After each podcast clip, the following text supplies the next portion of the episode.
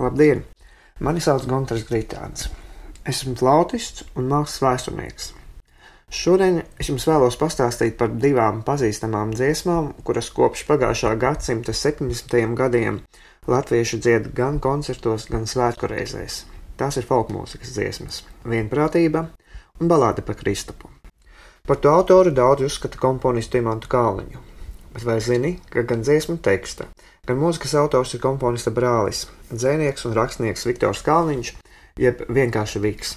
Abas melodijas bija dziesmnieces Alšas Pumpuras repertuārā, un vai joprojām tās turpina dziedāt Alšas bērni, un visi tie, kurus, citējot Viku, meit sauc par savējiem. Fakts, ka Viks ir komponējis arī mūziku, savējo lokā ir zināms, taču koncertos klausītāji nereti lūdz nodziedāt slavenāko komponista dziesmu par tiem, kas sēž pustumsā un ogles kvēla pavardā, tātad vienprātība. Pumpuri savos koncertos mīlēja šo dziesmu pieteikt kā populārāko Imanta Kalniņa dziesmu, kas nav Imanta Kalniņa dziesma.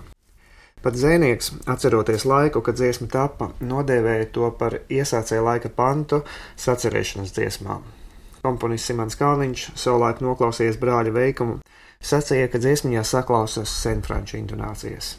Un, lai arī pēc Vika domām dziesmas teksts ir pat smieklīgs, publika parasti šo dziesmu uztver ar lielu nopietnību. Tindas par kopā būšanu un to īpašo sajūtu, ka nav nevienam durvis jāatver, koncertos un kopā muzicēšanas reizēs parasti iegūst pat tādu, zināmu, himnisku raksturu. Savukārt, sacerot balādi par Kristapu, mūzika esot atnākusi reizē ar tekstu. Atlicis tikai to iedungot kastē, jo notis dzēnieks, nu, diemžēl neprot. Īpašs notikums Vikam bija iespēja šo dziesmu atskaņot dzēs dienu pasākumā konservatorijā. Sīkāk par to viņš raksta savā grāmatā, kā pat tas formāta paradīzes. Jau gadu desmitiem abas dziesmas koncertos turpina skanēt, un daudzu cilvēku dzīvē kļuvušas par savējām, un iespējams nemaz nav tik svarīgi. Vai kādam joprojām tās ir populāras Imanta Kalniņa dziesmas, vai ka tās ir Vika. Tagad uzzinājām arī to, ka dzēnieki mēdz komponēt un pavisam veiksmīgi. Grāmatā dziesma, ko tu sāksies, kur apkopoti melodijās izmantotie vika teksti, dzēnieks raksta, ka viņa dziesmu tekstu autora karjera beigusies jau tālajos 80. un kur nu vēl mūzikas atcerēšana.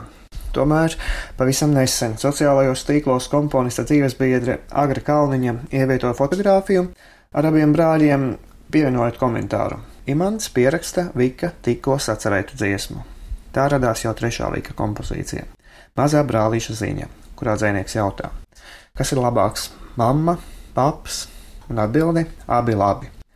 Bet tā jau ir cita dziesma un cits stāsts.